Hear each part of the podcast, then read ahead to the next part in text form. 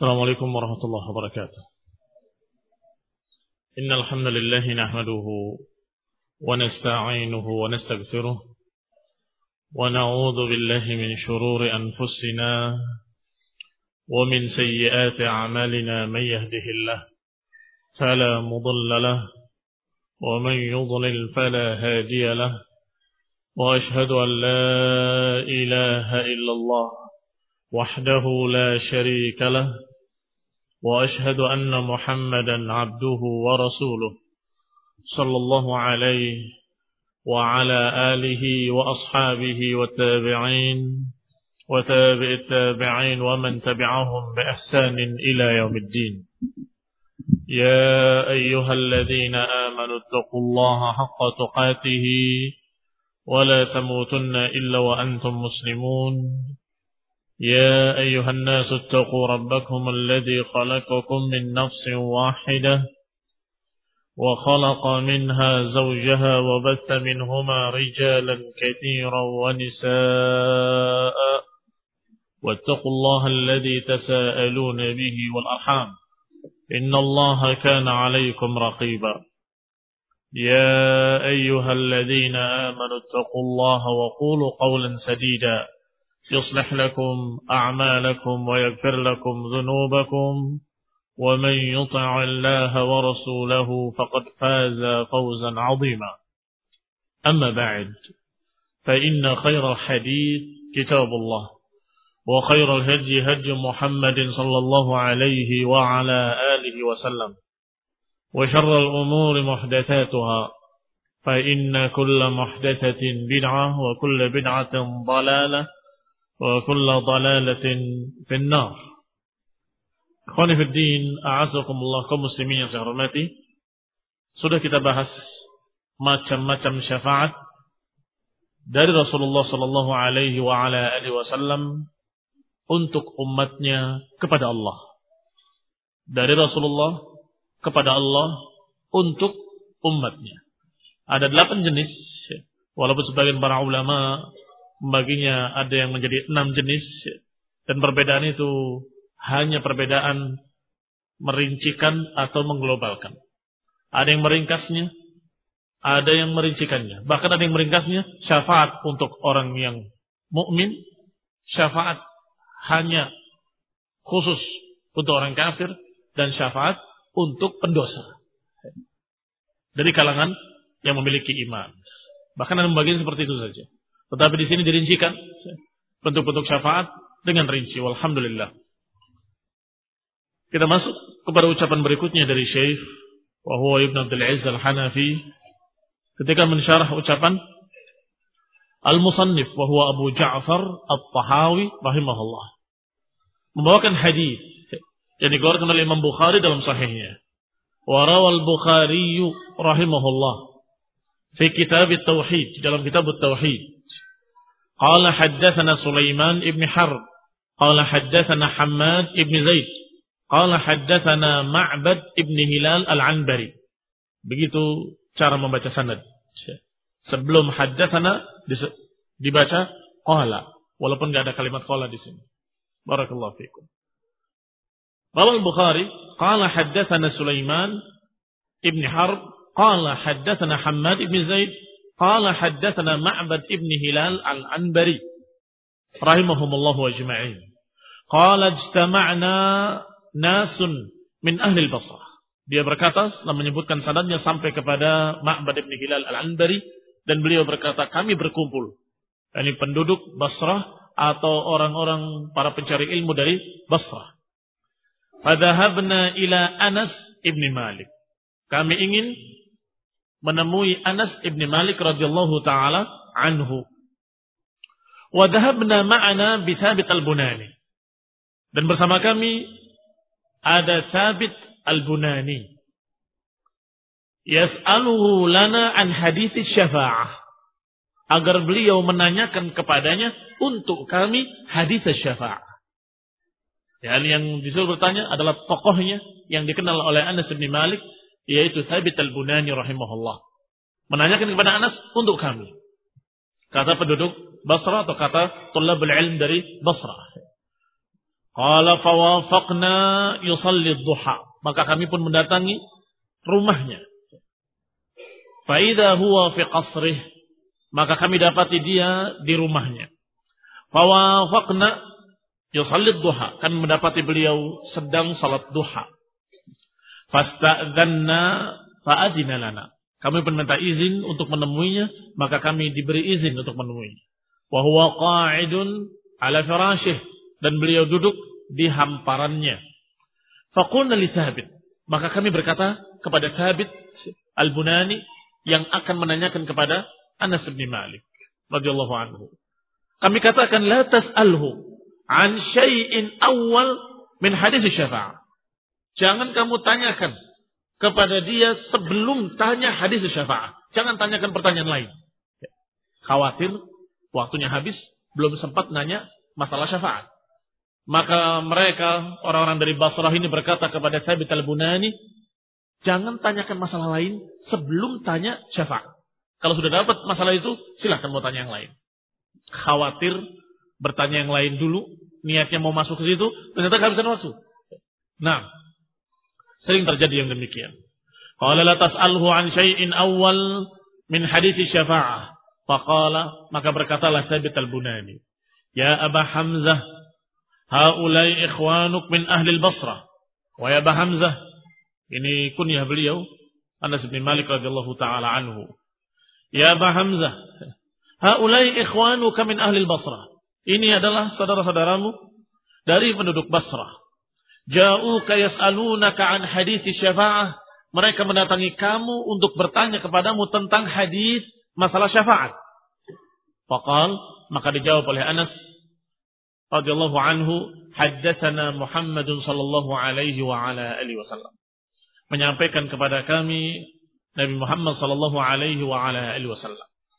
Idza kana yaumul qiyamah ma jannasu ba'dhum fi ba'd fayatuna Adam fayaquluna ishfa' lana ila rabbik fayaqulu lastu laha.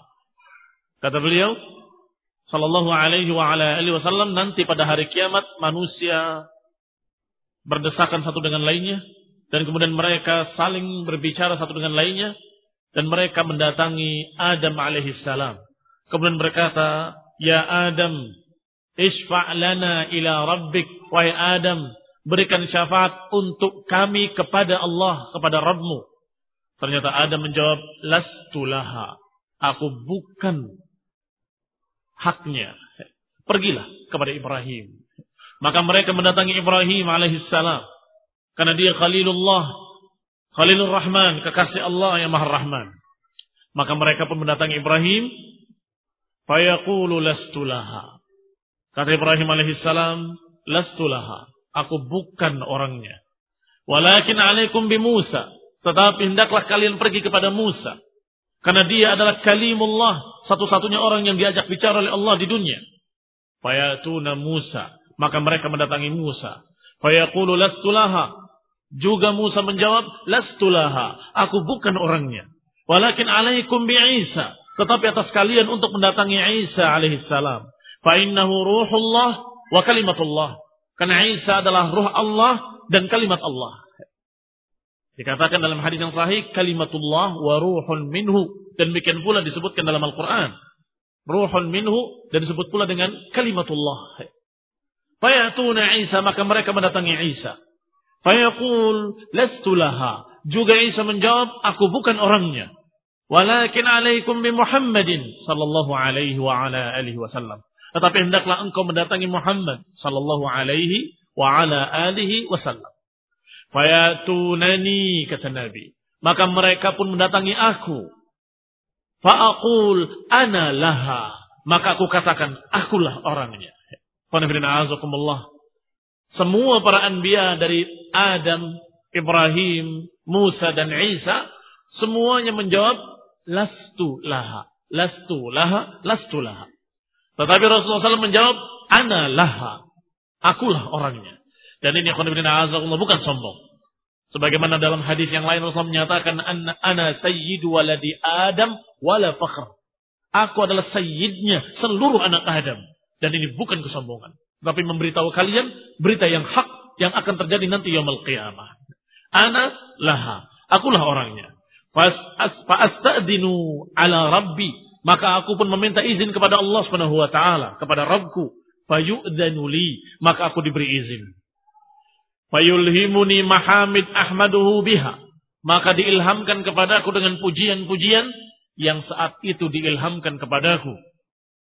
Sebagaimana dibahas kemarin, bahwa ini dalil bahwa Rasulullah SAW bukan tahu satu ilmu tapi disembunyikan untuk hari kiamat, bukan. Tetapi memang di dunia tidak tahu. Tetapi baru saat itu yaumul qiyamah ketika Rasulullah SAW akan memberikan syafaat baru diilhamkan oleh Allah Subhanahu wa taala.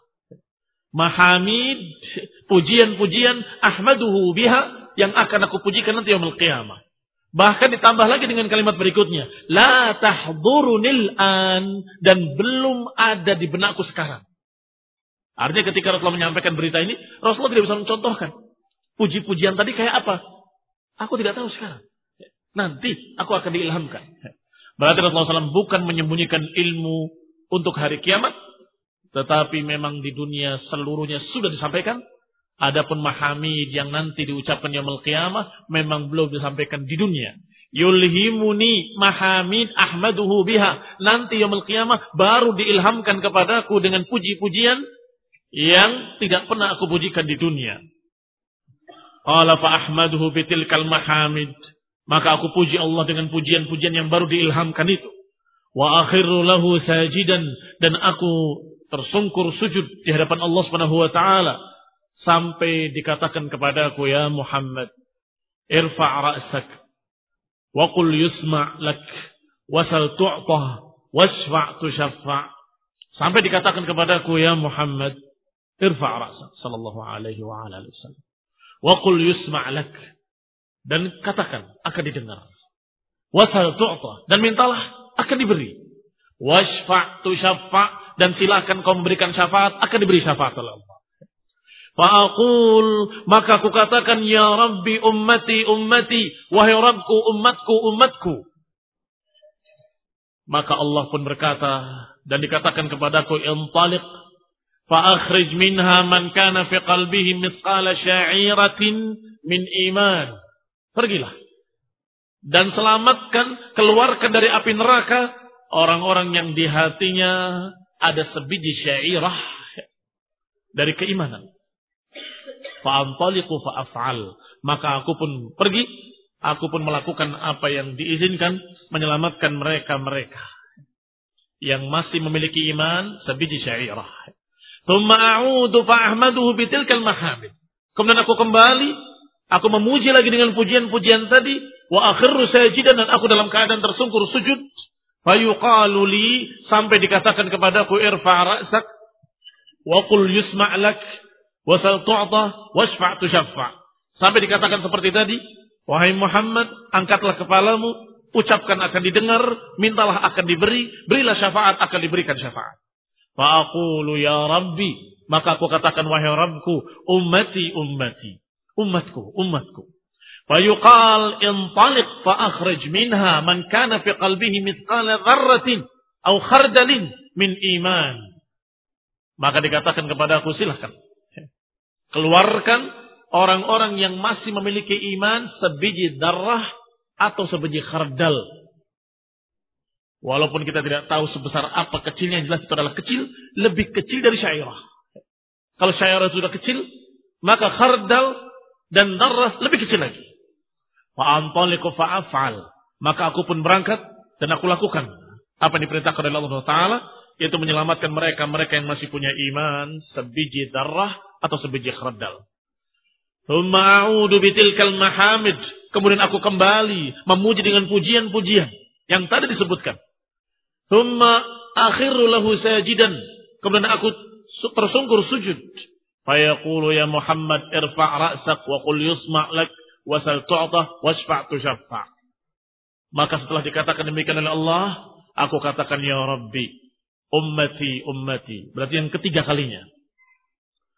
Fayaqul maka dikatakan intaliq fa'akhrij man kana fi qalbihi adna adna mithqala habatin min khardal Selamatkanlah, pergilah dan selamatkanlah yang memiliki adna adna lebih kecil lebih kecil daripada khardal.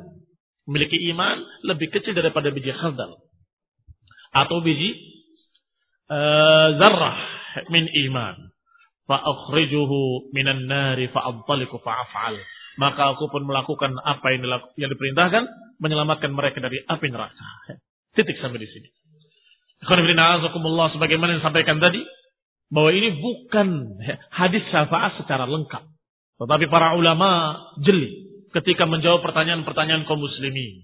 Ketika mereka bertanya tentang syafaat, dijawab syafaat yang dipertentangkan oleh mereka.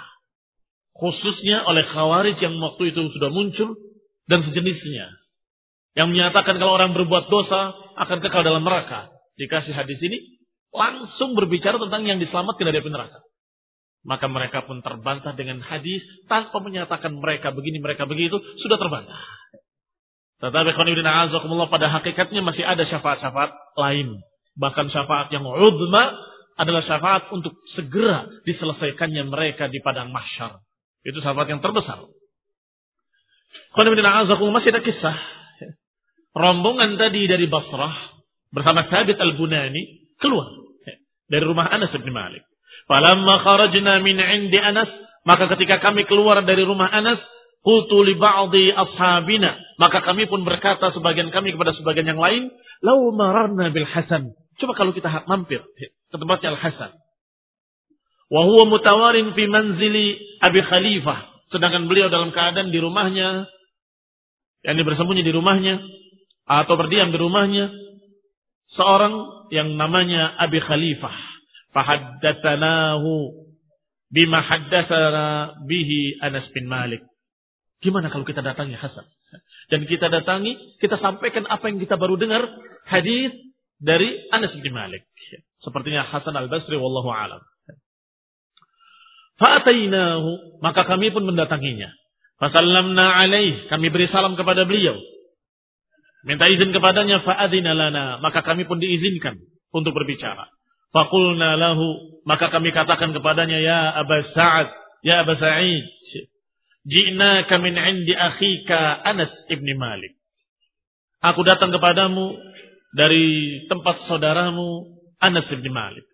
Falam nara misla ma haddatsana fi syafa'ati faqala hi. Kami dari saudaramu Anas bin Malik dan kami enggak pernah mendengar hadis seperti yang disampaikan olehnya. Fakal, maka dijawab oleh Al-Hasan, hi. Apa itu? Kalimat hi, isim fi'il. Ya, ini maknanya, coba sampaikan. Apa hadisnya? Wahaddatnahu bil hadis. Maka kami sampaikan kepadanya hadis tersebut. Fantaha ila hadal mawdi' didengar oleh Al-Hasan sampai pada titik akhir hadis tersebut. Faqala hi berkata lagi hi tadi maknanya hi apa itu? Sekarang maknanya, he, cuma itu. Begitu. He, ini yang kamu maksud? Fakulna, lam yazid lana ala hadha. Memang beliau tidak lebih daripada apa yang disampaikannya tadi. Ya cuma itu memang. Fakal, maka dijawab oleh Al-Hasan. Laqad haddathani wa huwa jami'un mundu isrina sana. Aku sudah pernah mendengarkan hadis ini 20 tahun yang lalu. Dan lebih lengkap dari ini. Fama adri anasiya am kariha an tattakilu. Tapi aku tidak tahu apakah beliau lupa atau sengaja agar kalian tidak beristikal. Mana istikal? Mengentengkan masalah, tidak semangat beramal, mengharapkan syafaat. Ini seperti hadis Mu'ad bin Jabal radhiyallahu taala anhu ketika menyampaikan atau ketika disampaikan oleh Rasulullah SAW tentang hakul ibadi ala Allah, hak hamba dari Allah, yaitu an ya'budu, yaitu an la yu'adzib man la yusyriku bihi syai'a. Enggak akan diadab orang yang tidak berbuat syirik. Kata Mu'ad, ya Rasulullah, afala ubashirun nas? Apakah tidak sebaiknya kami kabarkan pada manusia? La, fayattakilu. Jangan. Fayattakilu. Dikhawatirkan mereka akan bersandar pada berita ini. Kemudian tidak semangat beramal. Gampang. Yang penting tidak syirik. Dikhawatirkan mereka lemah semangat beramal. Dan kemudian bersandar dengan berita ini. kemudian mengentengkan masalah. Ini mana istikal. Di sini juga sama. Kata Al-Hasan, aku sudah mendengarkan hadis ini 20 tahun yang lalu. Ini yang saya katakan sebagai adab. Adab pendengar. Kalau kamu disampaikan satu hadis, satu ilmu, walaupun kamu sudah tahu, dengarkan.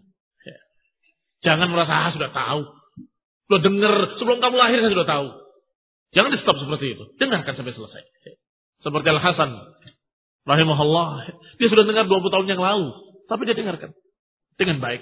Sebagaimana seorang pencari ilmu mendengarkan ilmu. Tetapi ketika selesai, dia bertanya, Hi, cuma ini? Iya. Aku mendengar 20 tahun yang lalu, lebih lengkap dari ini.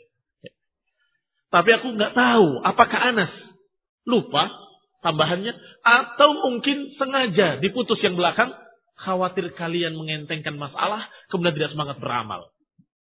Fakulnya ya Aba Sa'id, fahadithna ya Aba Sa'id, fahadithna. Coba sampaikan pada kami tambahannya, riwayatnya.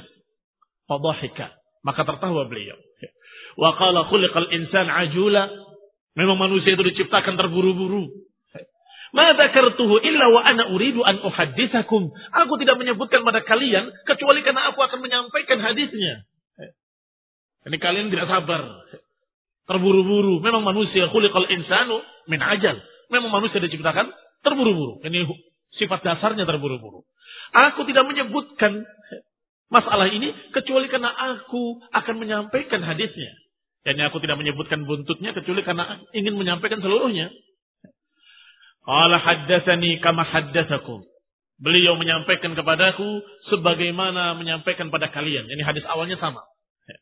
Setelah yang ketiga kali, ternyata Rasulullah SAW masih kembali lagi. Ini yang tidak disampaikan oleh Anas bin Malik. Thumma a'udu rabi'ah. Kata Nabi, aku kembali lagi. Yang keempat kalinya. Fa'ahmadu bitilkal mahamid. Aku puji lagi dengan pujian-pujian tadi. Dan aku dalam keadaan tersungkur sujud di hadapan Allah. Fayuqal. Sampai dikatakan kepada aku. Ya Muhammad irfa' ra'sak. Wa qul yusma. Wasal tu'tah. Wasfa' tushaffa' Ya Muhammad angkat kepalamu. Ucapkanlah akan didengar. Mintalah akan diberi. Berikan syafaat akan diberikan syafaat. Fa'akul. Maka aku katakan kata Nabi. Ya Rabbi ikdan li. Man qala la ilaha illallah.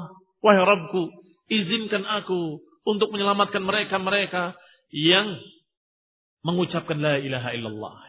Fayaqul maka Allah pun berfirman, "Wa izzati wa jalali wa kibriyai wa 'azamati la ukhrijanna minha man qala la ilaha illallah."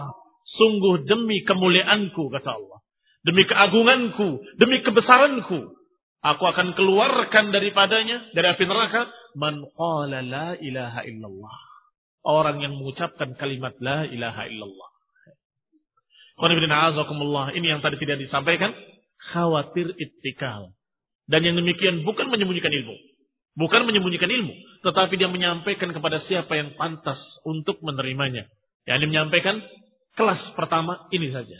Yang berikutnya tingkat berikutnya. Yang berikutnya tingkat yang berikutnya lagi. Sampai ketika diharapkan bahwa hadirin nggak akan yattakilu nggak akan bermalas-malasan beramal, baru dikasih kabar gembira. Rahmatnya Allah Subhanahu wa taala akan menyelamatkan nanti dengan syafaat Rasulullah SAW semua yang berkata la ilaha illallah.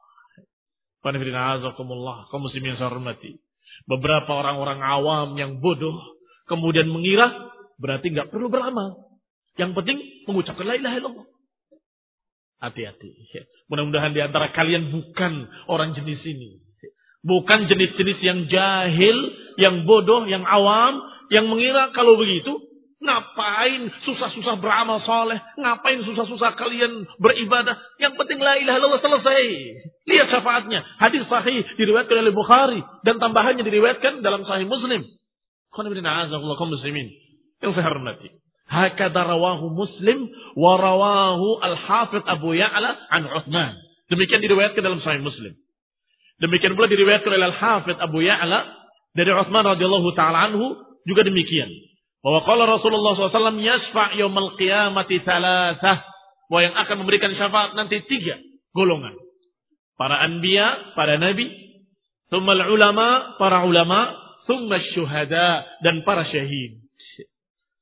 Wa sahih dan dalam kitab sahih disebutkan hadis Anas, ah, hadis Abi Sa'id radhiyallahu taala anhu marfu'an qala fa yaqulu Allah taala syafa'tul malaikah wa syafa'tun nabiyyun wa syafa' wa syafa' al mu'minun walam yabqa illa arhamur rahimin. Saya ulangi. Ada salah baca sepertinya. Fayaqulullah maka Allah berfirman, syafaat bukan syafaatu. Syafa'atil malaikatu wa syafa'an nabiyyun wa syafa'al mu'minun wa lam yabqa illa arhamur rahimin. Kata Allah, sudah memberikan syafaat para malaikat. Sudah memberikan syafaat pada nabi dan sudah memberikan syafaat orang-orang yang beriman. Ini para syahid, para syuhada. Walam yabqa illa arhamur rahimin. Dan tidak tersisa kecuali Allah arhamur rahimin. Fayaqbidu qabdatan minan nar. Maka Allah pun mengambil segenggam. Ini yang tidak bisa diprediksikan berapa. Berapa orang yang diselamatkan. Kalau dikatakan yakbidu qabdatan. Allah mengambil satu genggam dari api neraka. Fayukhruj min fayukhrij minha qauman, maka Allah selamatkan satu kaum lam ya'malu khairan qat yang belum pernah beramal soleh sama sekali. Ini juga sama. Hadis-hadis yang memberikan berita-berita gembira. Hadis-hadis yang merupakan besyir. Yang semestinya orang yang beriman ketika mendengarkan hadis yang menggembirakan semakin syukur kepada Allah. Ketika dia semakin syukur kepada Allah, semakin bertambah ibadahnya kepada Allah, semakin memuji Allah. Allah Akbar. Subhanallah. Alhamdulillah. Semakin berzikir, semakin memuji Allah, semakin ibadah, semakin tunduk, semakin syukur. Kalau mendengar betapa rahmatnya Allah, betapa sayangnya Allah, sehingga hadis-hadis seperti ini akan menambah rasa syukur. Sedangkan hadis-hadis yang mengancam yang kadang-kadang ancamannya sungguh sangat mengerikan. Wa man ya'sillaha wa rasulahu fa innalahu nar jahannam khalidan fiha. Barang siapa yang bermaksiat kepada Allah dan rasulnya maka baginya neraka jahanam kekal di dalamnya selama-lamanya. Ini yujibul khauf menjadikan kita memiliki rasa takut antara rasa takut dan rasa syukur menambah semangat ibadah demikian seharusnya. Sehingga ketika Rasulullah SAW menyampaikan kepada Umar dan kepada para sahabatnya, "Wa yudrika ya Umar, la'alla Allah tala ala ahli Badr wa qala if'alu ma syi'tum wa qad ghafartu lakum." Tidak membuat para sahabat lemah ibadah. Padahal kabarnya sungguh kabar yang sangat menggembirakan. Engkau tidak tahu wahai Umar bahwa Allah memperhatikan pengikut perang Badar dan Allah katakan kepada mereka, "Berbuatlah semau kalian, Allah telah mengampuni kalian." Hadis sahih dalam riwayat Bukhari dari Habib ibni Abi Balsa'ah radhiyallahu taala anhu. Tetapi bagaimana para sahabat? Semakin syukur pada Allah. Semakin menangis di hadapan Allah. Semakin dia saleh. Semakin beramal, beramal, beramal dengan apa yang Allah perintahkan. Dan menjauhi apa yang Allah larang. Bayangkan kalau kalimat itu diberikan kepada orang-orang yang tidak memiliki ilmu atau orang-orang yang sungguh sangat dangkal ilmunya dan imannya, berbuatlah semau kalian, Allah akan mengampuni kalian. Kalau begitu, selesai sudah. Gak ada salat-salatan, gak ada ibadah-ibadahan. Buat apa saja akan diampuni oleh Allah. Ini tidak seperti itu orang-orang beriman para sahabat. Demikian pula kita kaum muslimin ketika diberi berita gembira bahwa sungguh kata Al Hasan bisa jadi Malik bin Anas radhiyallahu taala anhu, ah, Anas bin Malik radhiyallahu taala anhu bisa jadi dia dalam keadaan tidak tahu. Lupa. Bukan tidak tahu, lupa. Atau memang sengaja. Dan kemungkinan besar yang kedua, sengaja. Khawatir kalian menggampangkan amal. Ternyata berita itu adalah berita yang sungguh sangat menggembirakan kaum muslimin. Bahwa Allah Subhanahu wa memberikan izin kepada Rasulullah SAW untuk memberikan syafaat kepada siapa? Kepada orang-orang yang berkata la ilaha illallah. Demikian pula hadis yang berikutnya itu hadis yang juga dalam sahih disebutkan bahwa Allah berfirman malaikat sudah memberikan syafaat, para nabi sudah memberikan syafaat dan juga kaum mukminin, para syuhada juga sudah memberikan syafaat.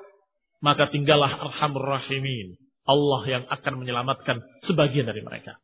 Maka ambil dengan genggamannya dari penduduk neraka yang lam ya'mal khairan qaf, yang belum pernah beramal saleh sedikit pun. Tapi tetap yang namanya la ilaha illallah tetap. Karena orang-orang kafir sudah disebutkan dalam Quran khalidan fina finnari jahannam. Kekal di dalam neraka jahannam. Artinya orang yang punya la ilaha illallah punya iman tetapi lam ya'mal khairan qat tidak pernah beramal kebaikan sedikit pun. Siapa di antara riwayat dalam sejarah yang belum pernah beramal soleh tapi dijamin oleh Rasulullah SAW bahwa dia adalah ahli jannah? Man? Hah? Usairim? Nah, yang dia masuk Islam ketika dalam keadaan jihad fisabilillah.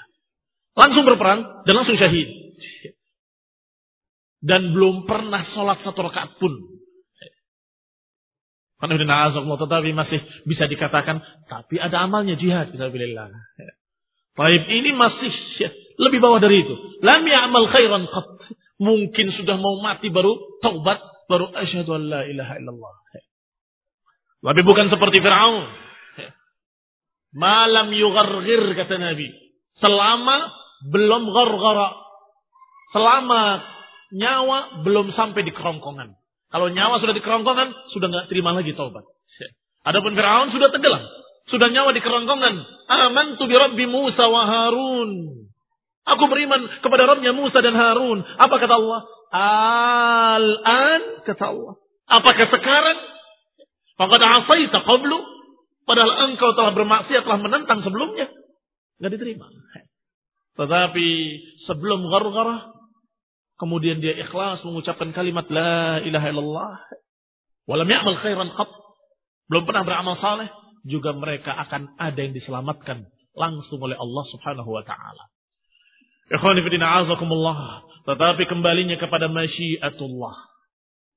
Kalau kembalinya kepada masyiatullah, kepada kehendak Allah, maka hendaklah kita, kita beribadah kepada Allah, berharap agar Allah menyayangi kita, merahmati kita, dan menyelamatkan kita dari api neraka. Ya, Ali jangan yakin kita akan diselamatkan nanti walaupun uh, tidak beramal soleh sekalipun. Ini hadisnya. Loh, tahu yang digenggam tadi oleh Allah diselamatkan tuh di antaranya kamu. Kamu tahu bahwa itu yang dimaksud di antaranya kamu. Ya enggak sih. Ya jangan sok yakin. Jangan merasa yakin kalau kamu yang ada di dalamnya. Belum tentu. Sehingga karena berkait dengan kehendak Allah, maka kita harus meratap di hadapan Allah Subhanahu wa taala. Meminta. Meminta dengan ibadah, meminta dengan sungguh-sungguh, meminta dengan berdoa, meminta dengan memujinya, dengan pujian-pujian. Qala thumma Inna nasa fi syafa'ati ala thalathati aqwam. Kemudian, masalah syafaat ini, manusia terbagi menjadi tiga golongan. Tiga jenis manusia. Wal musyrikun, wal nasara, wal mubtadi'un, min al-ghulati fil masyayikh, wa ghairihim, yaj'aluna syafa'ata man yu'azzimunahu inda Allah, kasyafa'atil ma'rufa fid dunya. Golongan pertama, adalah golongan kaum musyrikin, golongan Nasrani, dan golongan para ahlul bid'ah yang ekstrim kepada guru-gurunya dan syekh-syekhnya.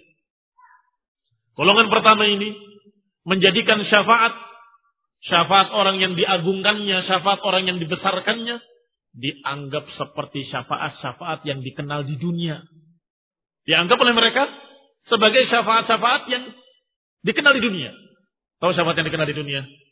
Kalau kamu ingin mendapatkan kursi jabatan, harus punya koneksi. Nah, punya orang dekat. Digambarkan syafaat seperti itu. Sehingga mereka justru menyembah selain Allah. Mereka justru menyembah syekhnya dan meratap memanggil syekhnya bukan mengambil, memanggil Allah, bukan meratap kepada Allah. Berdoanya, meratapnya, memanggilnya justru syekhnya. Ya syekh, tolong kami di hadapan Allah. Belalah kami nanti di hadapan Allah dan seterusnya dan seterusnya. Ini kekafiran musyrikin jahiliyah dan ini kekafiran Nasrani dan ini pula kekafiran mereka-mereka para kuburiyun. Musyrikin jahiliyah ketika datang ke Lat, Uzza dan Manat, apa yang mereka lakukan? Sama. Haulai syufa'auna indallah. Kata mereka, haulai syufa'auna indallah. Mereka itu adalah pemberi-pemberi syafaat kita nanti di hadapan Allah. Mereka adalah pembela-pembela kita nanti di hadapan Allah. Maka kita berharap dari mereka. Meminta kepada mereka. Agar mereka membela kita yaumul qiyamah. Mana abuduhum illa liyuqarribuna ilallahi zulfa. Kami tidak menyembah mereka. Mereka hanya menjadi perantara kepada Allah Subhanahu wa taala. Ini golongan pertama. Ekstrim dan salah dalam memahami syafaat. Golongan kedua, sebaliknya mengingkari syafaat secara keseluruhan. Yaitu Mu'tazilah, Al-Khawarij, angkaru syafaat nabiyina. Mereka mengingkari syafaat Nabi kita Nabi Muhammad sallallahu alaihi wasallam terhadap para pendosa, terhadap ahli maksiat, apalagi terhadap yang mereka-mereka yang sudah masuk neraka. Kata Khawarij, kata Mu'tazilah, kalau sudah masuk neraka nggak akan bisa diselamatkan. Siapa yang berbuat dosa, maka dia kekal dalam neraka. Kalau dia kekal dalam neraka berarti kafir kata Khawarij. Kata Mu'tazilah, kalau kekal dalam neraka berarti fasik bukan mukmin. Dan mereka kalau kafir tidak akan mendapatkan syafaat dan tidak bermanfaat syafaatus syafi'in. Fama tanfa'uhum syafaatus syafi'in kata mereka. Ini golongan kedua. Sama-sama ekstrimnya cuma bertolak belakang. Yang satu tadi ekstrim ke kanan, yang ini ekstrim ke kiri. Wa amma ahlus sunnah. Adapun ahlus sunnah kata Ibn Abdul Aziz Al-Hanafi rahimahullah. Saya sebutkan sengaja Al-Hanafi rahimahullah. Supaya apa? Supaya kita tahu. Bahwa ternyata dalam masalah ini tidak ada perselisihan antara mazhab Hanafi ataupun Syafi'i ataupun Hambali ataupun Maliki. Tidak ada perbedaan. Sudah pernah kita baca kitab Aqidatus Salaf Ashabul Hadis yang ditulis oleh Imam Abu Uthman Al-Sabuni Al-Syafi'i. Sudah kita baca pula Fathul Majid, Syarah Kitab Tauhid, Al-Hambali. Dan sekarang kita baca kitab Syarah Aqidah At-Tahawiyah oleh Abu Ja'far At-Tahawi dan Ibnu Abdul Aziz Al-Hanafi. Penulisnya Hanafi, pensarahan juga Hanafi. Sehingga mereka-mereka yang ngaku ahnaf tetapi menyembah kuburan dusta mereka. Yang mengaku syafi'i tapi menyembah kuburan juga dusta mereka. Demikian pula yang mengaku hambali tapi menyembah kuburan maka dusta mereka. Karena para imam-imam mereka tidak seperti itu. Qal dikatakan oleh beliau oleh Ibn Abdul Aziz Al-Hanafi rahimahullah ahlus sunnah wal jamaah yuqirruna bi syafaati nabiyina. Ahlus sunnah wal jamaah menetapkan dengan yakin adanya syafaat nabi kita Nabi Muhammad sallallahu alaihi wa ala alihi wasallam untuk mereka-mereka yang memiliki dosa-dosa, memiliki dosa besar, apalagi yang sudah masuk neraka, mereka semua akan mendapatkan syafaat dari Rasulullah SAW dan juga syafaat yang lainnya. Lakin la yashfa ahadun hatta ya'dan Allah lahu wa yahiddu lahu haddan. Tetapi tidak ada seorang pun yang akan memberikan syafaat kepada orang tertentu kecuali dengan izin dari Allah Subhanahu wa taala. Masih kata beliau. Masih kata Ibn Abdul Aziz Al-Hanafi rahimahullah. Tidak ada seorang pun yang akan berikan syafaat kepada seseorang tertentu kecuali dengan izin Allah dan keriduannya sebelum diberikan oleh Allah had dan batasan. Yang begini dan yang begitu. Kama fil hadis sahih. Hadis syafaat sebagaimana dalam hadis yang sahih dalam hadis syafaat disebutkan ada lafaz innahum ya'tuna Adam thumma Nuhan mereka mendatangi Adam kemudian mendatangi Nuh mendatangi Ibrahim mendatangi Musa kemudian Isa. Sampai pada Isa berkata, "Idhabu ila Muhammad sallallahu alaihi wa ala alihi wasallam." Pergilah kepada Nabi Muhammad sallallahu alaihi wa ala alihi wasallam. Fa innahu 'abdun ghafara Allah lahu ma taqaddama min dambihi wa ma ta'akhkhar. Karena dia adalah hamba yang sudah diampuni apa yang telah lalu dan apa yang akan datang. Fayatuni kata Nabi. Maka mereka pun mendatangi aku. Fa'adhabu. Maka aku pun pergi menemui Allah fa idza raaitu rabbi ketika aku melihat Rabbku Aku tersungkur sujud. Dan aku puji Allah dengan pujian-pujian yang dibukakan kepadaku waktu itu. Dan aku tidak bisa menyebutkannya sekarang. Ini di dunia. Aku belum bisa menyebutkannya. Fayaqul sampai Allah katakan ay Muhammad irfa' ra'sak wa qul yusma' washfa' tushaffa'. Ay Muhammad, angkat kepalamu, ucapkan akan didengar, berikan syafaat akan diberikan syafaat. Maka aku katakan Rabbi ummati, wahai Rabbku, umatku. Fayahiddu li haddan. Ini jadi syahidnya. Kemudian diberikan kepadaku batasan yang kayak gini, yang kayak gini. Fa'udkhiluhumul jannah, maka aku masukkan mereka ke dalam surga. Ini orang-orang yang sudah dijelaskan oleh Allah tadi. Thumma antaliku fa'asjud. Maka aku kembali lagi dan aku sujud. Fayuhiddu li haddan. Maka Allah berikan kepada aku lagi batasan. Selamatkan yang seperti ini, yang seperti ini. Sebelum Allah katakan seperti itu, tidak akan diselamatkan. Dan Nabi pun gak akan bisa, gak akan mampu tanpa izin dari Allah Subhanahu wa taala. Indahu illa. Dalam ayat kursi. Ayat fi kitabillah. Sebesar-besar ayat dalam Al-Quran. Dikatakan la yashfa'u indahu illa bi'idni. Gak akan ada yang berikan syafaat kecuali dengan izin.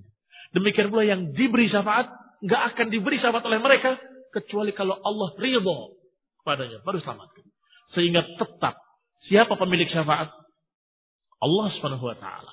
Tetap kepada siapa kita meminta syafaat? Kepada Allah Subhanahu wa taala. Lillahi syafa'atu jami'an. Ini catat ayat Allah Subhanahu wa taala. Lillahi syafa'atu jami'an. Milik Allah lah seluruh syafaat. Allah taufiq wal afiyah. Wa hidayah wa rahmah. Allah taala ya taala ladina qawla fa. Sallallahu